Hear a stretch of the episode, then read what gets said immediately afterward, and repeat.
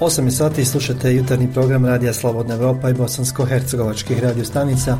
Ja sam Ivan Katavić i želim vam e, dobro jutro iz Sarajevskog studija.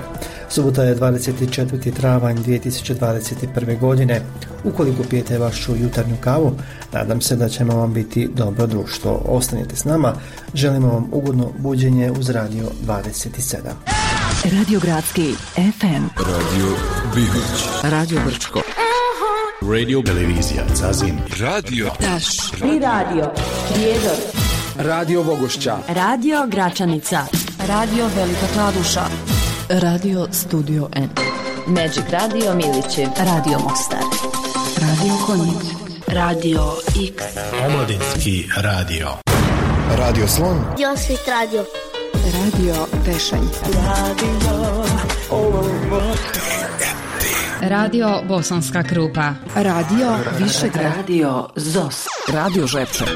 Šik radio Mrkonjić Grad Kontakt Radio Banja Luka. Radio Jablanica. Radio 1503 Zavidovići. Za početak ove jutarnje emisije najavit ćemo i sadržaje koje smo pripremili u idućih sat vremena. Subotom, kao što ste i navikli, repriziramo neke od priča koje smo emitirali u jutarnjem programu i drugim informativnim emisijama Radija Slobodna Evropa. Govorit ćemo o akcijama čišćenja grada u Bijeljini i Prijedoru. Jedna od tema je i pošumljavanje lokaliteta koji su uništeni požarom u Konjicu. Predstavit ćemo i aplikaciju koja ima za cilj otkriti minom zagađena područja u Bosni i Hercegovini. U Goraždu i Travniku potpisani ugovori za poduzetničke ideje mladih, a u Zenici studenti Filozofskog fakulteta sudjeluju u projektu mapiranja lokacija sa stećicima. Govorit ćemo i o festivalu antifašizma u Jablanici. Toliko za najavu, još jednom dobro jutro, žele vam Zoran Mijatović i Ivan Katavić. Muzički blok otvaramo ludim letnim plesom i flamingosima.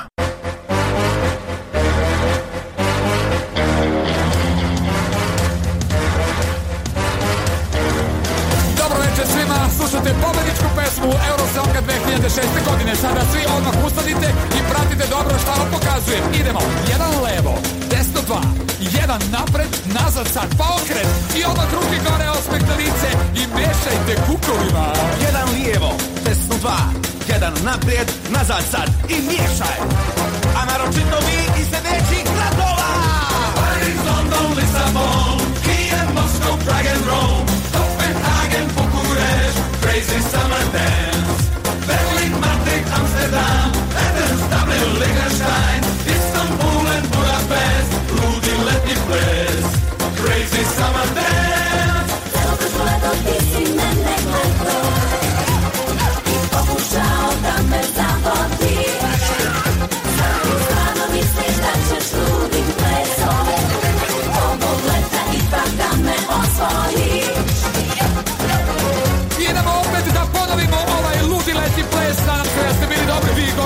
prvom redu odlični. Svaka čast. Idemo još jedan put. Jedan levo, desno dva, jedan napred, nazad sad, okret. Ruke gore, osmeh na lice i mešaj kukovima. Jedan lijevo, desno dva, jedan naprijed, nazad sad i odmor. E, dosta je od nas. A ti, Evropo, miješaj! Paris, London, Lisabon, Kiev, Moscow, Prague and Rome, Copenhagen, Bucharest, crazy summer dance. Amsterdam, Rettensdamen, Liechtenstein, Istanbul and Budapest, Rudy Letty mes, crazy summer man. Go! Hey, lady, baba de la murabi, para leer, bam bam do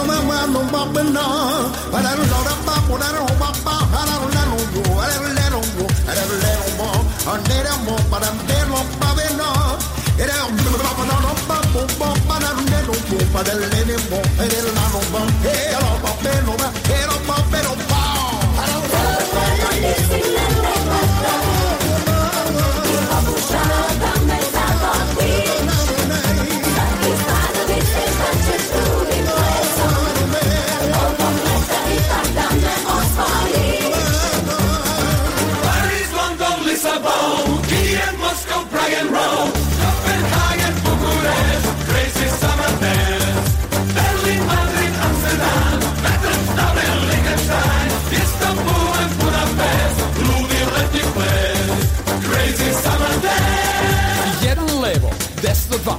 Jedan napred, nazad sad i stop Slijede najavljene teme.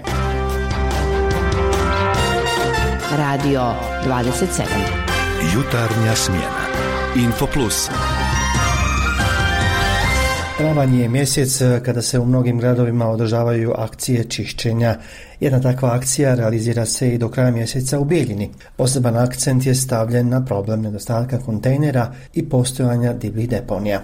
Zoran Cetinović ima detalje. Divlje deponije su gorući problem u Bijeljini godinama unazad. Komunalna policija će usaglasiti prioritete uklanjanja divljih deponija i kontrolisati izvođače u izvršenju ovog posla u narednom periodu. Nadležni podsjećaju građane da ne stvaraju divlje deponije jer će se u mjesecu aprilu vršiti odvoz kavastog otpada, a kako ističu, nabavljen je i dovoljan broj posuda za odlaganje smeća u gradu. Šta je aktuelno u ovom mjesecu? Odgovor daje Daniel Perić, vršilac dužnosti direktora akcionarskog društva Komunalac Bijeljina.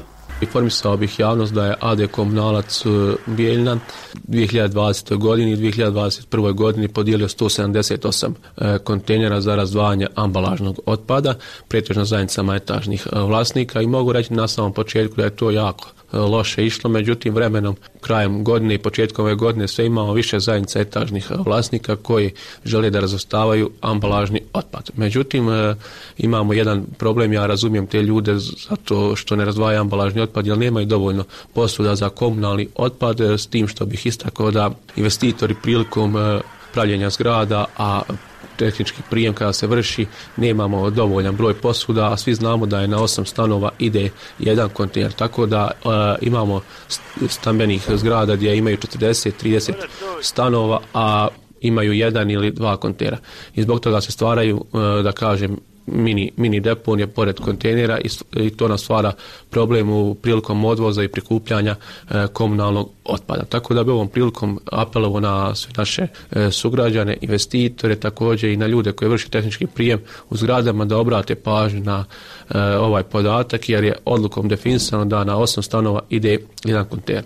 Iskoristio priliku da u ime AD komunalca pozovem sve naše sugrađane koji su e, zainteresovani sva fizička lica da razdvaja ambalažni otpad da mogu ovdje da naprave s nama uh, ugovor sporazum o odvajanju ambalažnog otpada gdje će besplatno dobiti kante od 120 litara adekvatne postaje za razstavanje ambalažnog otpada za dvije namjene, a ambalažni otpad svi znamo da uh, spada staklena flaša papir, karton, e, najlon i ostali ambalažni, ambalažni otpad. Sve te dalje informacije što se tiče razstavanja ambalažnog otpada mogu dobiti na broj telefona 055 204 821 ili na sajtu AD Komunalca www.komunalacbn.com popune jedan zahtjev i e, uđu proces dobijanja kanti za razdvajanje ambalažnog otpada. Građani Bijeljine odnedavno imaju mogućnost da koriste aplikaciju za mobilne telefone Go Green, pomoću koje mogu da prijave divlje deponije, lociraju zelena ostrva,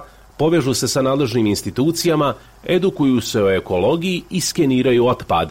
Bijeljinski komunalac je tokom prošle i ove godine podijelio 178 kontejnera za razdvajanje ambalažnog otpada, uglavnom zajednicama etažnih vlasnika – Trenutno je locirano 37 divljih deponija u Bijeljini, a šta je to što se nalazi na tim divljim deponijama, odnosno šta preovladava, pojasnio je Predrag Novaković, komunalni policajac iz Bijeljine. Ono što je interesantno u strukturi je to u stvari e, šut građevinski, šut praktično otpad industrijski, gotovo vrlo malo ili bolje reći nimalo klasično komunalnog otpada, to ima i biootpada. E, mi smo taj ja materijal pripremili, prosledili gradskoj upravi vezano da pokušamo to sanirati i vjerojatno se na tome raditi. Mi ćemo naravno nastaviti da to kontrolišemo i pratimo i potrebno mi je malo i podrška i pomoć građana vezano da ako primijete lice da na nepropisan način odlažu otpada nam to prijave, zabježe tablicu da bi onda mogli da vodimo postupak i da takve lica kaznimo. Inače, kazne su jako visoke i za pravno lice su predviđena kazne novčane koji ne poštuju, znači pravilno deponiju okolnog otpada od 2000 do 5000 konatih maraka, za odgovorno lice u pravnom licu od 500 do 900 konatih maraka, preduzetnici od 600 do 1000 konatih maraka i fizička lica, odnosno građani pojedinačno od 400 do 800 konatih maraka.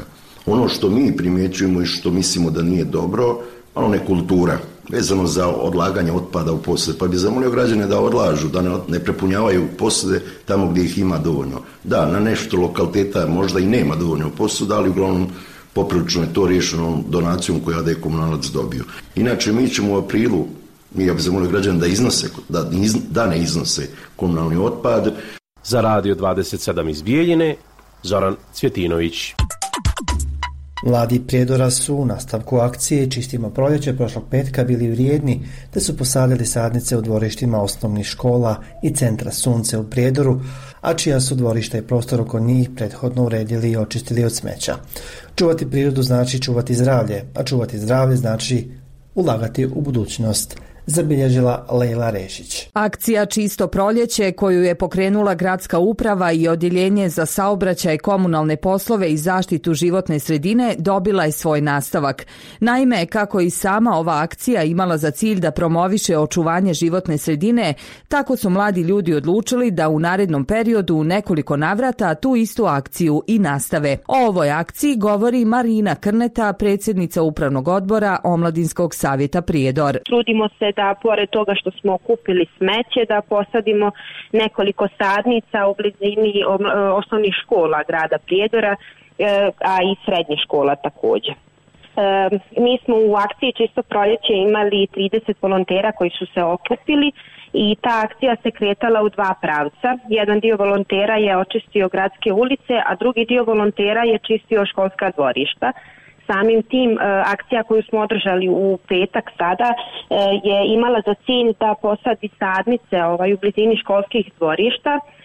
Oni su se u suštini odazvali na ovaj drugi dio akcije gdje su svojim radom i trudom pokazali da ovaj e, kad se nešto hoće onda se i može. Nije nas bilo 20 kao i prvi put s obzirom da su svi u obavezama i oko fakulteta poslova, ali smo uspjeli ovaj iskoordinisati i završiti taj ajde da kažem nastavak čistog proljeća, mada nam je u planu i, i da u nekim narednim mjesecima šta kako god to možemo da uradimo ovaj, planiramo da nastavljamo i da održavamo ovakve akcije kako bismo e, što više podigli svijest o čuvanju e, životne sredine, odnosno grada Prijedora i kako bismo se potrudili da ulice i da školska dvorišta budu čista. Krneta smatra da postoji jedan dobar dio omladine koji ima razvijenu svijest kada je u pitanju očuvanje životne sredine i čistoća grada. Ali opet mislim e, postoji onaj jedan dobar dio koji jednostavno nije zainteresovan za, za pojedine ovaj, aktivnosti, odnosno nije zainteresovan jednostavno za ovakve stvari pirim kroz glavu kako bih ja to ovaj, laički rekla jer ne postoji jednostavno nigdje da su svi apsolutno ili svjesni šta imaju ili nisu. Uvijek postoji jedan dio koji jeste, jedan koji nije. Tako i kod nas u Prijedoru postoji jedan dobar dio mladinaca koji je svjestan šta ima i želi to da čuva, a postoji ovaj drugi dio koji jednostavno ovaj e, nije svjestan ovaj šta to u stvari posjeduje u svom gradu. I upravo ja mislim da ovakvim akcijama možemo ovaj da e, djelujemo ka njima, da pokušamo da im, ajde da kažem, da im podignemo svijest o tome koliko je bitno da čuvamo sredinu i koliko je bitna u suštini i, i e, sređenost i uređenost ovaj, e, kako gradskih ulica, tako i prigradskih naselja, sela, u suštini svako odakle dolazi treba da povede računa da, da njegovo mjesto da izgleda uredno, da ne baca papiri, a samim tim ako ne bacimo papirić na travu već u kantu za smeće, već smo mnogo toga i uradili. Omladinski savjet u saradnji sa gradskom upravom planira i u narednom periodu da organizuje još nastavak akcije Čisto proljeće i da se to održava u kontinuitetu, potvrdila je Marina Krneta. Imamo u planu, to imali smo i evo i krenuli smo i realizujemo taj plan da ta akcija jednostavno da je održavamo i da se ona dešava u kontinuitetu. To ćemo i ispratiti kroz stranicu Omladinskog savjeta da jednostavno napravit ćemo tu promociju i tim medijskim putem da sve te akcije koje mu budemo organizovali. Za radio 27 iz studija Free Radija iz Prijedora, Amra Rešić.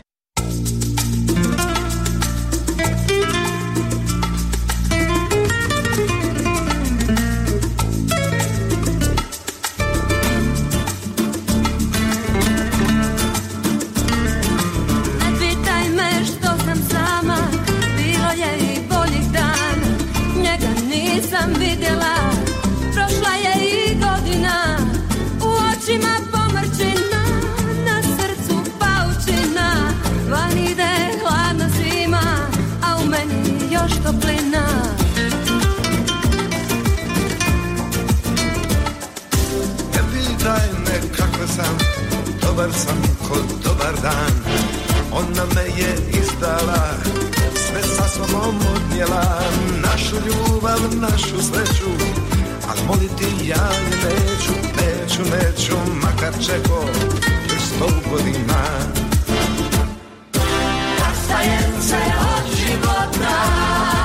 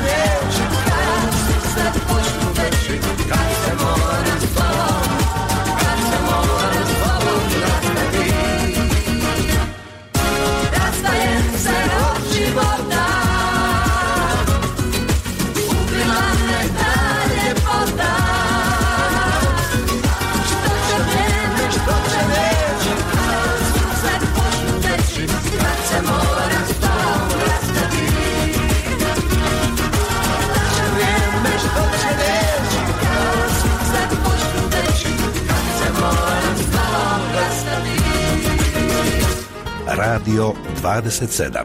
Probudite se s nama. Ovo je jutarnji program Radija Slobodna Evropa i BH radio stanica Radio 27.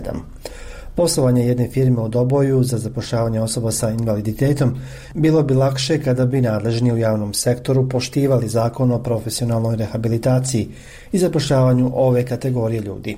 U štampari udruženja distrofičara u Doboju očekuju da nadležni samo ispune svoje zakonske obveze, o tome Arnes Grbešić. Zbog pandemije COVID-19 smanjio se obim posla i u štampariji udruženja distrofičara u Doboju, kaže predstavnica udruženja Nada Stuhli. Svako radi ono baš najnužnije što mu treba, tako da je se baš osjetilo da je posao pao. Ovdje je zaposleno osam ljudi, od kojih su pet osobe sa invaliditetom. Među njima je Islame Rakanović, kojem je oboljenje kičme utvrđeno u ranom djetinstvu. Završio je saobraćajnu i elektroškolu. Na prvom radnom mjestu u štampariji radio je i volonterski. Jedno vrijeme tokom pandemije bio mu je prekinut radni odnos zbog kvara na mašinama. Ovdje sam počeo da radim prije par mjeseci. Dugo sam bio na obuci, još sam na obuci na poslovima grafičke pripreme i sito štampe same. Ova štamparija inače jedina je firma nastala zbog zapošljavanja osoba sa invaliditetom u Doboju. Lakše bi poslovala kada bi nadležni u javnim institucijama, ustanovama i preduzećima poštovali zakonsku obavezu prema kojoj su dužni 20% takvih poslova realizovati u ovakvim firmama. Koriste,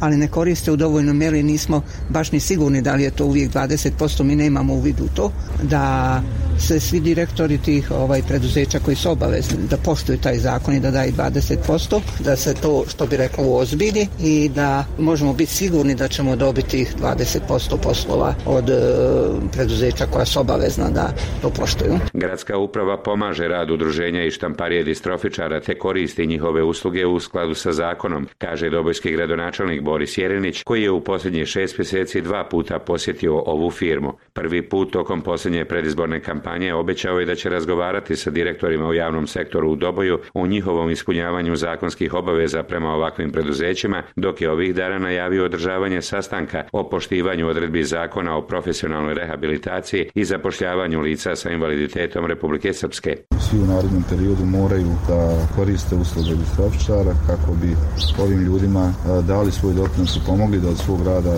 ovo udruženje još bolje radi. Još jednom predstavnica udruženja distrofičara u Doboju Nada Stuhli. Da zaposlimo pogotovo osoba sa invaliditetom koji su inače teško zaposliva kategorija u otvorenoj sredini. Stvaranje povoljnih uslova na tržištu rada uloga je i Fonda za profesionalnu rehabilitaciju i zapošljavanje osoba sa invaliditetom, čiji kapaciteti prema nalazima glavne službe za reviziju Republike Srpske nisu usmjereni na aktivnosti povećanja zaposlenih posebno u javnom sektoru, nego najvećim dijelom na održavanje postojećeg nedovoljno visokog nivoa zaposlenosti u privatnom sektoru. Za radio Slobodna Evropa iz Doboja, Arnes Grbešić.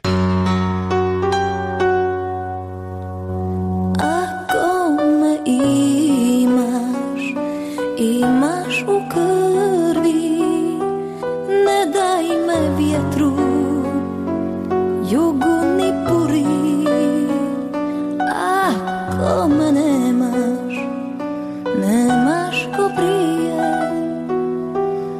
ništa to nije, riječ ili dvije, i to je kraj.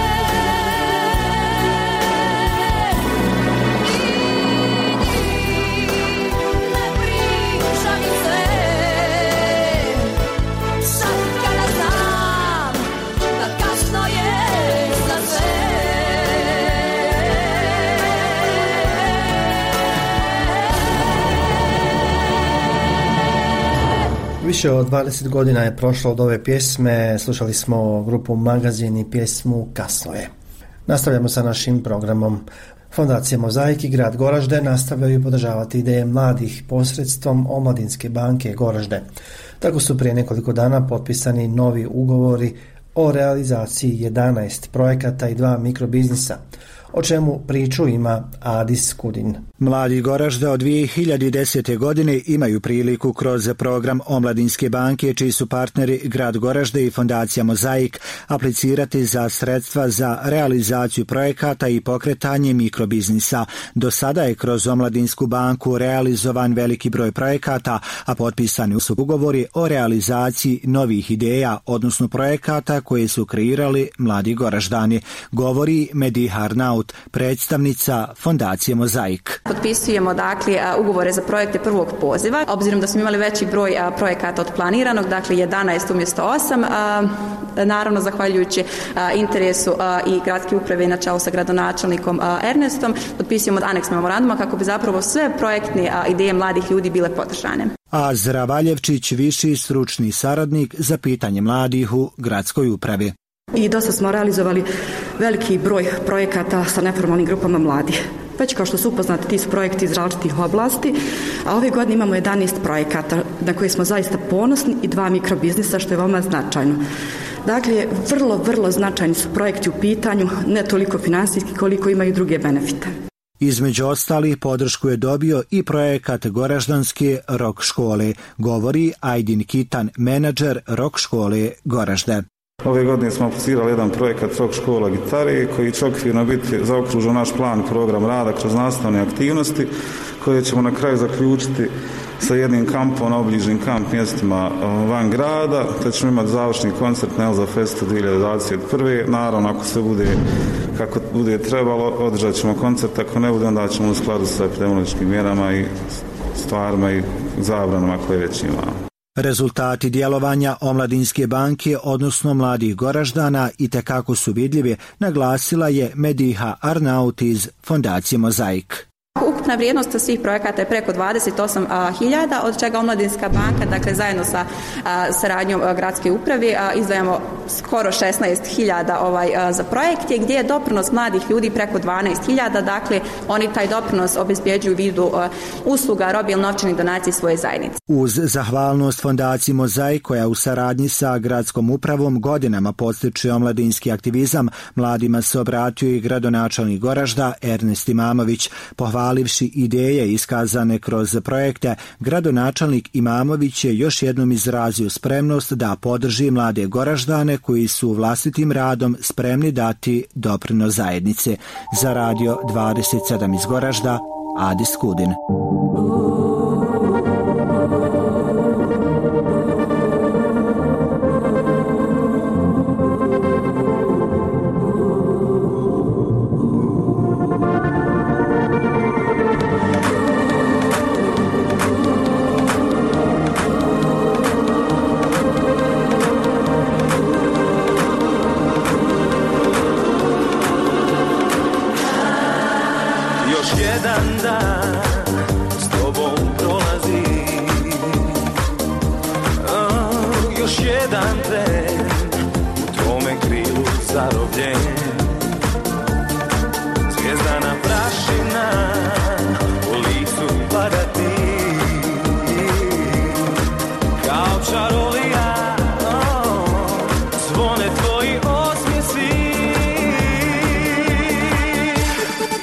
Osjećam da želim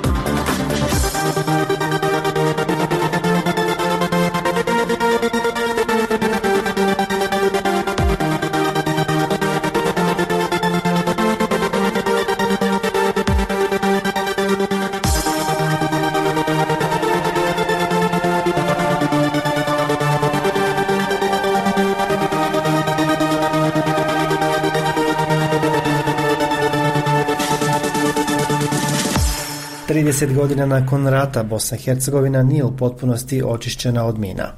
957 km kvadratnih ili 1,96% ukupne teritorije zemlje još uvijek je pod minama i riječ je uglavnom o nepristupačnim terenima koje koriste planinari, lovci, šumari te na kojima se organiziraju turističke posjete. Zbog toga su UNDP i Evropska unija kreirali aplikaciju BH Mine Suspected Areas koja obavještava o minskim poljima koja su blizini. Aplikacija je korisna naročito gorskim službama spašavanja.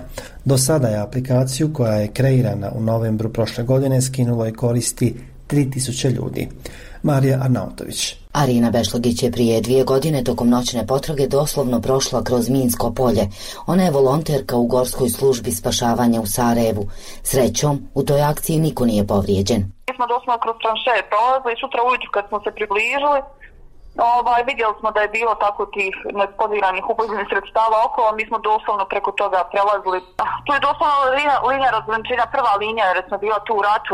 To mjesto je u međuvremenu očišćeno od mina, a danas bi bilo drugačije, kaže Arina, jer članovi Gorske službe spašavanja mogu da koriste aplikaciju BH Mine Suspected Areas, osmišljenu upravo da na vrijeme upozori na sumnjiva i nepristupačna minska područja u Bosni i Hercegovini. Aplikacija nas upozori, ne znam, možemo označiti, jel na kilometar na tri smo blizu Minskog polja, da znamo da se ne krećemo u tom pravcu, da možemo se reorganizovati ili tako nešto. Aplikacija je rađena u sklopu velikog projekta koji je inicirala Evropska unija, a čiji je cilj da osvježi mapiranja svih trenutnih minsko sumnjivih područja u Bosni i Hercegovini.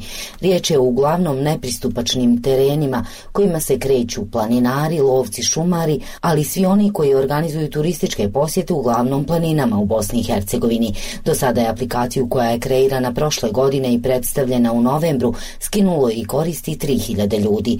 Logistička podrška za pravljenje i osmišljavanje aplikacije bio je UNDP, kaže Slobodan Tadić, šef sektora za pravdu i sigurnost u toj organizaciji. Kroz tu modernizaciju informacionalnog sistema došli smo i do ideje i spoznaje da bi jedna ovakva aplikacija za mobilne telefone i za Android i za iOS bila jako korisna Bosni i Hercegovini i svim građanima Bosne i Hercegovine koji bi imali višestruku mogućnost upotrebe ove aplikacije u svim ostalim društvenim sferama. Aplikacija se instalira na mobilni telefon, aktivira se praćenje lokacije i ona daje tačnu udaljenost do najbliže minsko sumnjive površine u Bosni i Hercegovini. Ukoliko neko pronađe sumnjivi objekat, aplikacija upozorava na način koji se treba odnositi prema njemu. Vlasnik aplikacije je Centar za uklanjanje mina Bosne i Hercegovine, direktor tog centra Saša Obradović. Ta aplikacija nam je veoma značajna iz razloga što je koriste planinari, ljudi koji se kreću po prirodi, uh, na aplikacija služi da bi odvratila od ulaska u minsko sumnjivo područje uh, ljude koji se kreću blizu minski sumnjivih područja. Slobodan Tadić iz UNDP-a objašnjava. Mislim, trenutna situacija sa minskim poljima u Bosni i Hercegovine je ta da su ostala minska polja koja nisu bila, da kažem, dostupna ljudima toliko, znači jako puno šume je obuhvaćeno u, kroz ovu aplikaciju. A, tako da sve šumarije u Bosni i Hercegovini su izrazili jako veliku zainteresovanost za ovom aplikacijom kako bi oni mogli da organizuju i da na planski način rade sjeć šuma, a da ne ugrožavaju svoje ljudstvo, to je svoje radnike koje rade u šumarijama. 30 godina nakon rata Bosna i Hercegovina nije u potpunosti očišćena od mina. 957 km kvadratnih ili 1,96% ukupne teritorije zemlje još uvijek je pod minama. I Sarajeva za Radio Slobodna Evropa Marija Arnautović.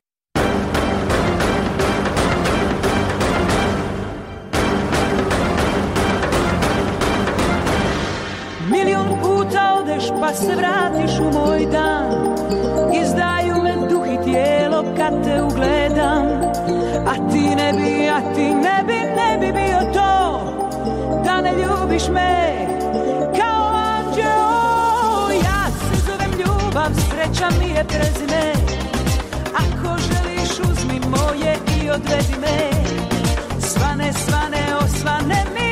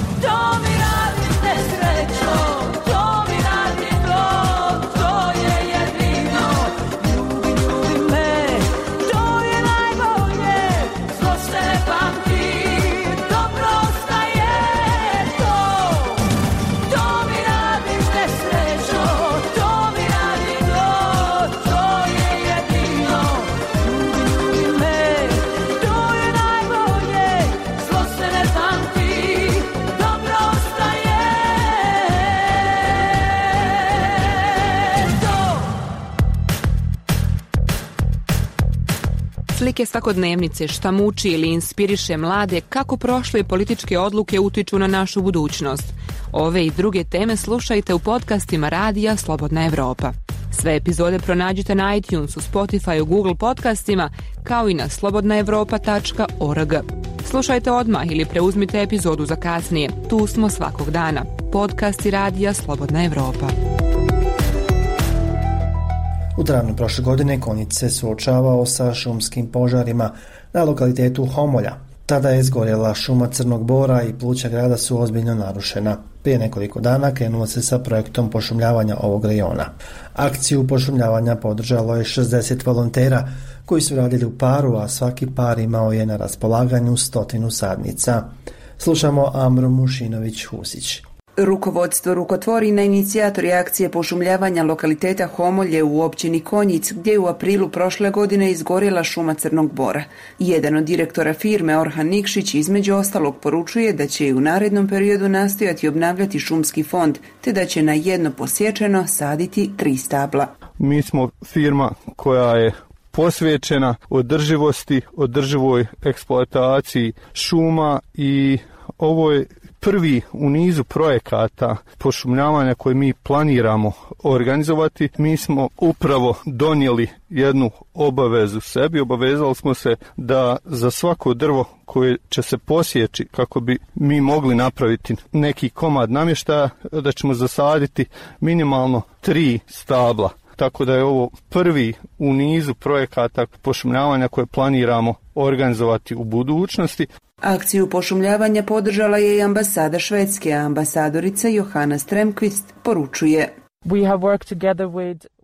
Mi smo potpomogli ovu firmu kroz projekat švedske vlade koji se zove Challenge, koji pomaže firmama da izađu na inozemska tržišta i izvoze i naša organizacija i njihova firma su posvećeni održivosti i tu smo da potpomognemo projekte koji su vezani za održivost. Pošumljavanje je vršeno sadnicama iz rasadnika šumarstva Prenj, čiji su zaposlenici također učestvovali u akciji. Emir Lizde jedan je od njih. Ovdje imamo sigurno evo, od 50 do 60 ljudi i svi su jako angažovani, tako da mogu reći da sam prezadovoljan. Oko nas su trenutno izgorela odrasla stabla koja su stara 65 godina.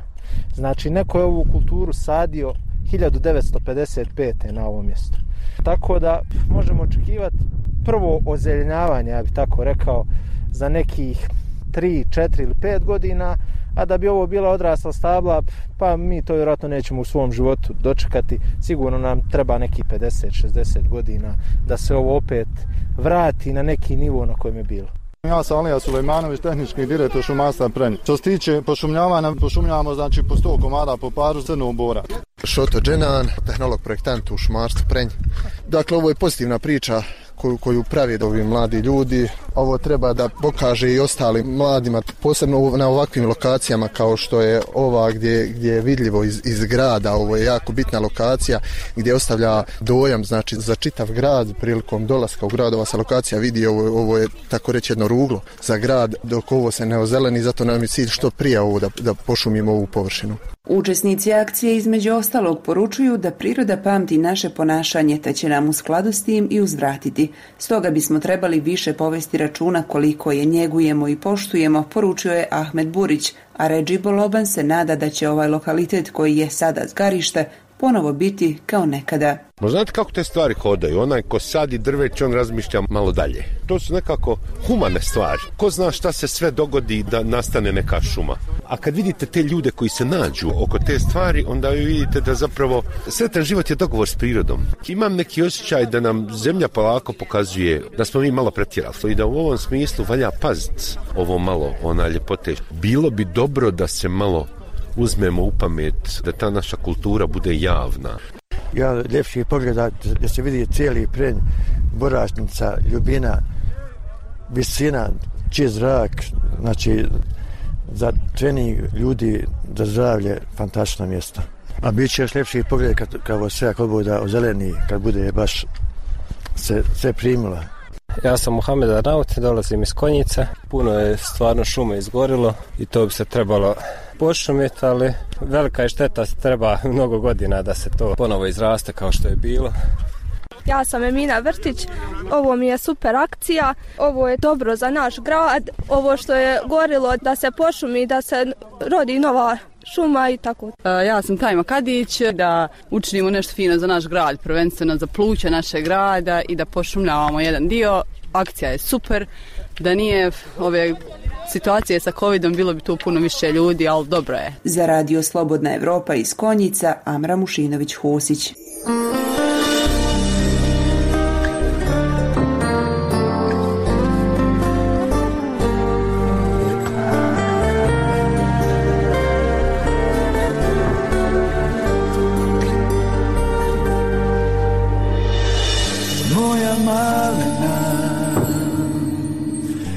Te osjećam. Uskoro ćeš ti otići To predosjećam. Tako ti je to. Sve se ponavlja. Od uvijek je lakše onom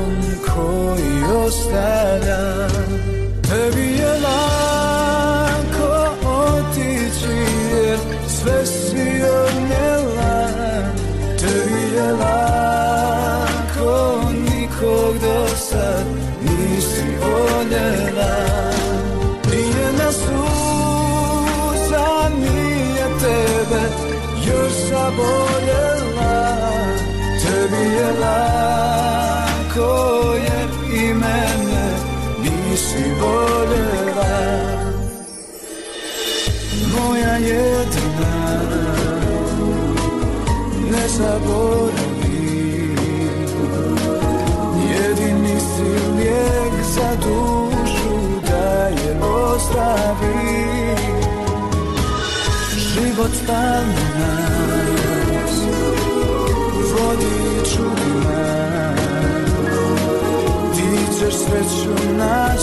ali s drugim ljudima. Tebi je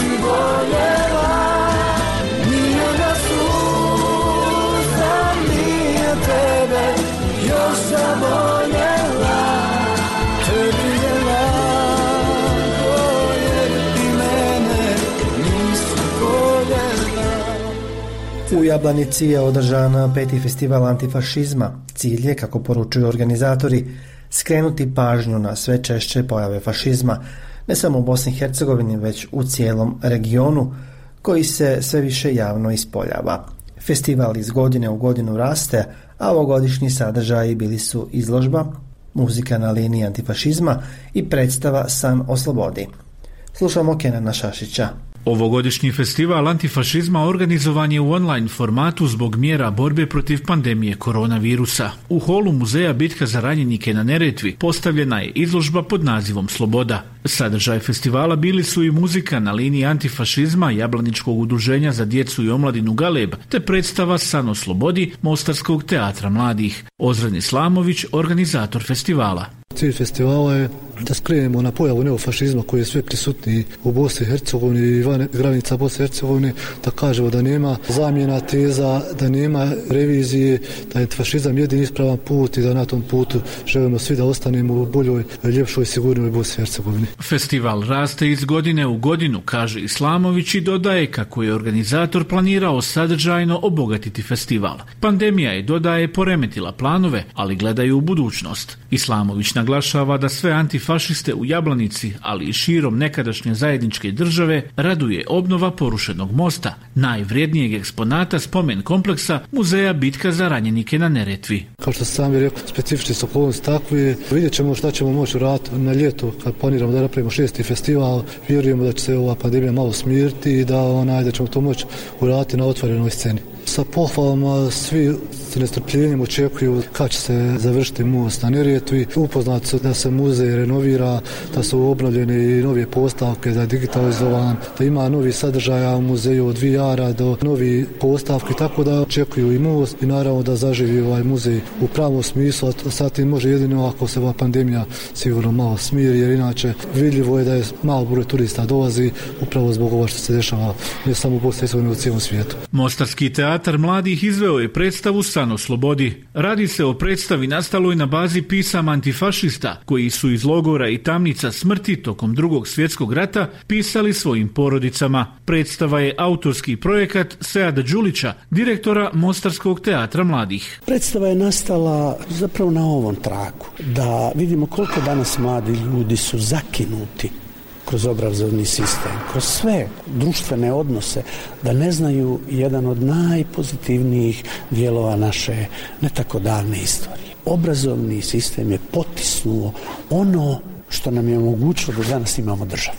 I mladi ljudi nemaju pojma šta je to.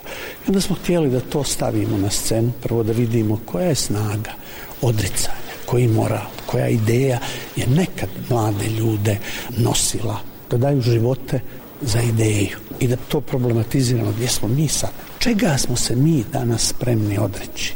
Mi se ljudi danas spremni za, zarad slobode, zarad jednakosti, ravnopravnosti, odreći sitnih malih pogodnosti koje su beznačajne. Sabahudin Gluhović, glumac Mostarskog teatra mladih, za Radio 27 kaže Jednostavno ljudi danas nisu upućeni u svoju prošlost i održavanje ovakvih festivala kao što ste vi organizirali u Jablanici e, i slično će biti obrazovnog karaktera za sve mlade, da oni saznaju svoju prošlost, da se upoznaju sa svojom prošlošću jer današnji ovaj sistem im sakriva prošlost iz razloga što jednostavno ne odgovara im taj dio antifašizma i ne odgovara im taj dio borbe protiv ljudi koji se zalažu samo za jednu naciju i slično. Još jednom Sead Đulić. Odavde je 1943. poslata jedna izuzetno snažna poruka u cijeli svijet. Tu se desila najhumanija bitka u istoriji ratovanja. Ovdje se desila jedna mudra odluka koja se i danas izučava na najznačajnijim svjetskim akademijama. Ovo je, rekao bih, centar iz kojeg se moraju slati poruke koje pokušavaju dokučiti onu iz 43. ali u svakom slučaju je slijediti. Zato je Jablanica zapravo možda najznačajnije, najbolje mjesto za slanje poruka za budućnost. Ovdje su se i te 43. vidjele, naslučivale vizionarske stvari i vidjela se, gledala se budućnost iako je smrt bila na svakom koraku. Mi koji slijedimo te tradicije, antifašizam, dužni smo obavezni smo to nastaviti i ovo mjesto pohoditi kao jedno sveto mjesto. Peti festival antifašizma u Jablanici organizovalo je društvo Josip Broz Tito u saradnji sa Udruženjem antifašista i boraca Narodno-oslobodilačkog rata i muzejom Bitka za ranjenike na Neretvi uz pokroviteljstvo općine Jablanica, a događaj će za sve one koji su propustili online projekciju biti prikazan u programu televizije Jablanica na dan obilježavanja godišnjice Bitke za ranjenike na Neretvi. Za Radio 27 iz Jablanice, Kenan Šašić. Stećci su među najvažnijim elementima kulturno-historijskog nasljeđa Bosne i Hercegovine za obuku o istraživačkim metodama iz oblasti arheologije i registracije nekropola sa stećcima, koju je omogućila fondacija Mak Dizdar u Stolcu, prijavili su se uz podršku svojih profesora, studenti Filozofskog fakulteta u Zenici. Krajni cilj će biti istraživanje, otkrivanje i registriranje nekropola stečaka na području Zenice. Slušamo Arminku Memišević. Šestero absolvenata ocijeka za kulturalne studije Filozofskog fakulteta u Zenici ima zadatak da u narednih pet mjeseci mapiraju deset lokacija nekropola sa stećcima na području grada Zenice, da istraže motive i opišu stanje. Vodeći se saznanjem da postoje lokacije nekropola, a koristeći leksikon koji je davno napisao Šefik Bešlagić, studenti Filozofskog fakulteta u Zenici su se dali na posao. Mapiraju nalazišta stečaka, a krajni ciljevi šestruk, kaže Elmin Fehrić. Studenti i studenti ocijeka za kulturalne studije na Filozofskom fakultetu u Zenici su dio projekta Stečar Enhanced Vision of Stečak koji da provodi fondacija Matski Zad. Mi su se prijavili na ovaj projekat ciljem da primijenimo znanja koja smo stekli na fakultetu. Kada mapiramo sve nakropove na području Zenice, mi ćemo izraditi uh, mapu koju ćemo postaviti negdje na prometnu, odnosno frekventnu lokaciju u gradu, gdje ćemo, gdje će građani Zenice moći, ali oni koji dolaze u Zenicu, gdje će moći vidjeti sve lokacije o, na kojima se steci dakle a, nalazi. A pored toga postavit ćemo turistički, turističku signalizaciju na, za ukupno pet nekropola za koje, za koje procjenimo da su najreprezentativniji. Tako će i građani Zenice, ali i turisti moći lakše i jednostavnije posjetiti nekropole. Za sada, nažalost, prema riječima studenata, stečci, odnosno kameni nadgrobni spomenici iz srednjeg vijeka koji spadaju među najvažnije elemente naše kulture i ono po čemu se izdvajamo od ostatka svijeta su u katastrofalnom stanju. Lela Ahmedspahić je dio ekipe, a govori nam o svom zadatku u ovom projektu. E, Moj zadatak je bio da e, kada dođemo na nekropol da brojim e, stečke, znači da vidimo koliko se stečaka tačno nalazi na, na nekropoli. Međutim, kada dođemo na nekropolu, tu nećemo uvijek moći e, tačno odrediti koliko ima stečaka. Na primjer, kada smo bili na nekropoli u Banlozima, imali smo poteškoća jer je e, nekropola bila devastirana nismo mogli uopšte pobrojiti koliko, pobrojiti koliko ima stečaka, jer su uh, neki uh, polomljeni. Stečak koji smo obilazili, koji smo našli u mjestu Janjići, nada Magzence, je bio u stanju. Oko njega je bilo očišćeno i mi smo se stvarno iznenadili, ali nalazi se pored lokalnog puta. Jedan od stanovnika tog sela Banloza nam je rekao da su, da su ljudi lomili, da su mislili da se unutra nalazi armatura ili nešto slično, da su mogli iskoristiti te stečke. Dakle, inicijativom i organizacijom civilnog društva i voljom šestero mladih absolvenata Filozofskog fakulteta u Zenici, uz njihova teorijska znanja stečena na ocijeku za kulturalne studije i novostečene praktične vještine, Zenica bi krajem godine trebalo da ima mapirane lokacije nekropola sa stečcima. Biće to konkretan primjer doprinosa očuvanju celokupne i bogate kulturne baštine Bosne i Hercegovine. Za Radio 27, Arminka Mamišević. I bilo je to još jedno zajedničko jutro Radija Slobodna Evropa i BH Radio stanica. Posjećam da najaktualnije vijesti, teme iz Bosne i Hercegovine, regije i svijeta možete pratiti na našem portalu slobodnaevropa.org i na društvenim mrežama. S vama su proteklih sata vremena podijelili Zoran Mijatović i Ivan Karadžić. ispod glasa kada ponoć Evo sam došao Pjesma me prati, ljubav za tobom ne može stati Šta mi treba sve mi dali Poljubaca njenih fali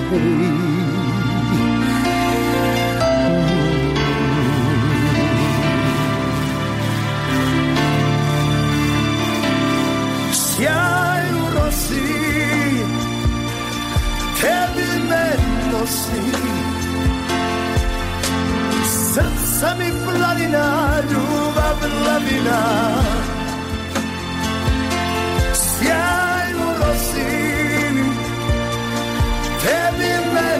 nosi.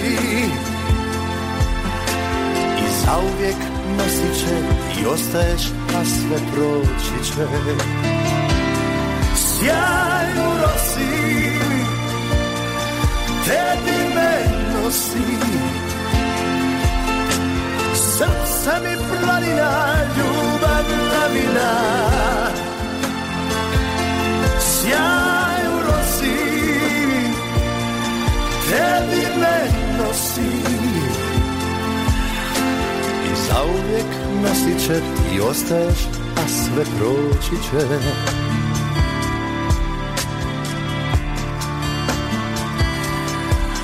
Evo sam došao Još imam snage Evo do tebe Do moje drage.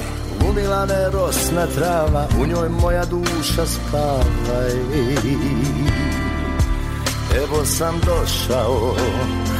Pjesma me prati Ljubav za tobom. Ne može stati Šta mi treba sve mi dali Poljubaca njenih fali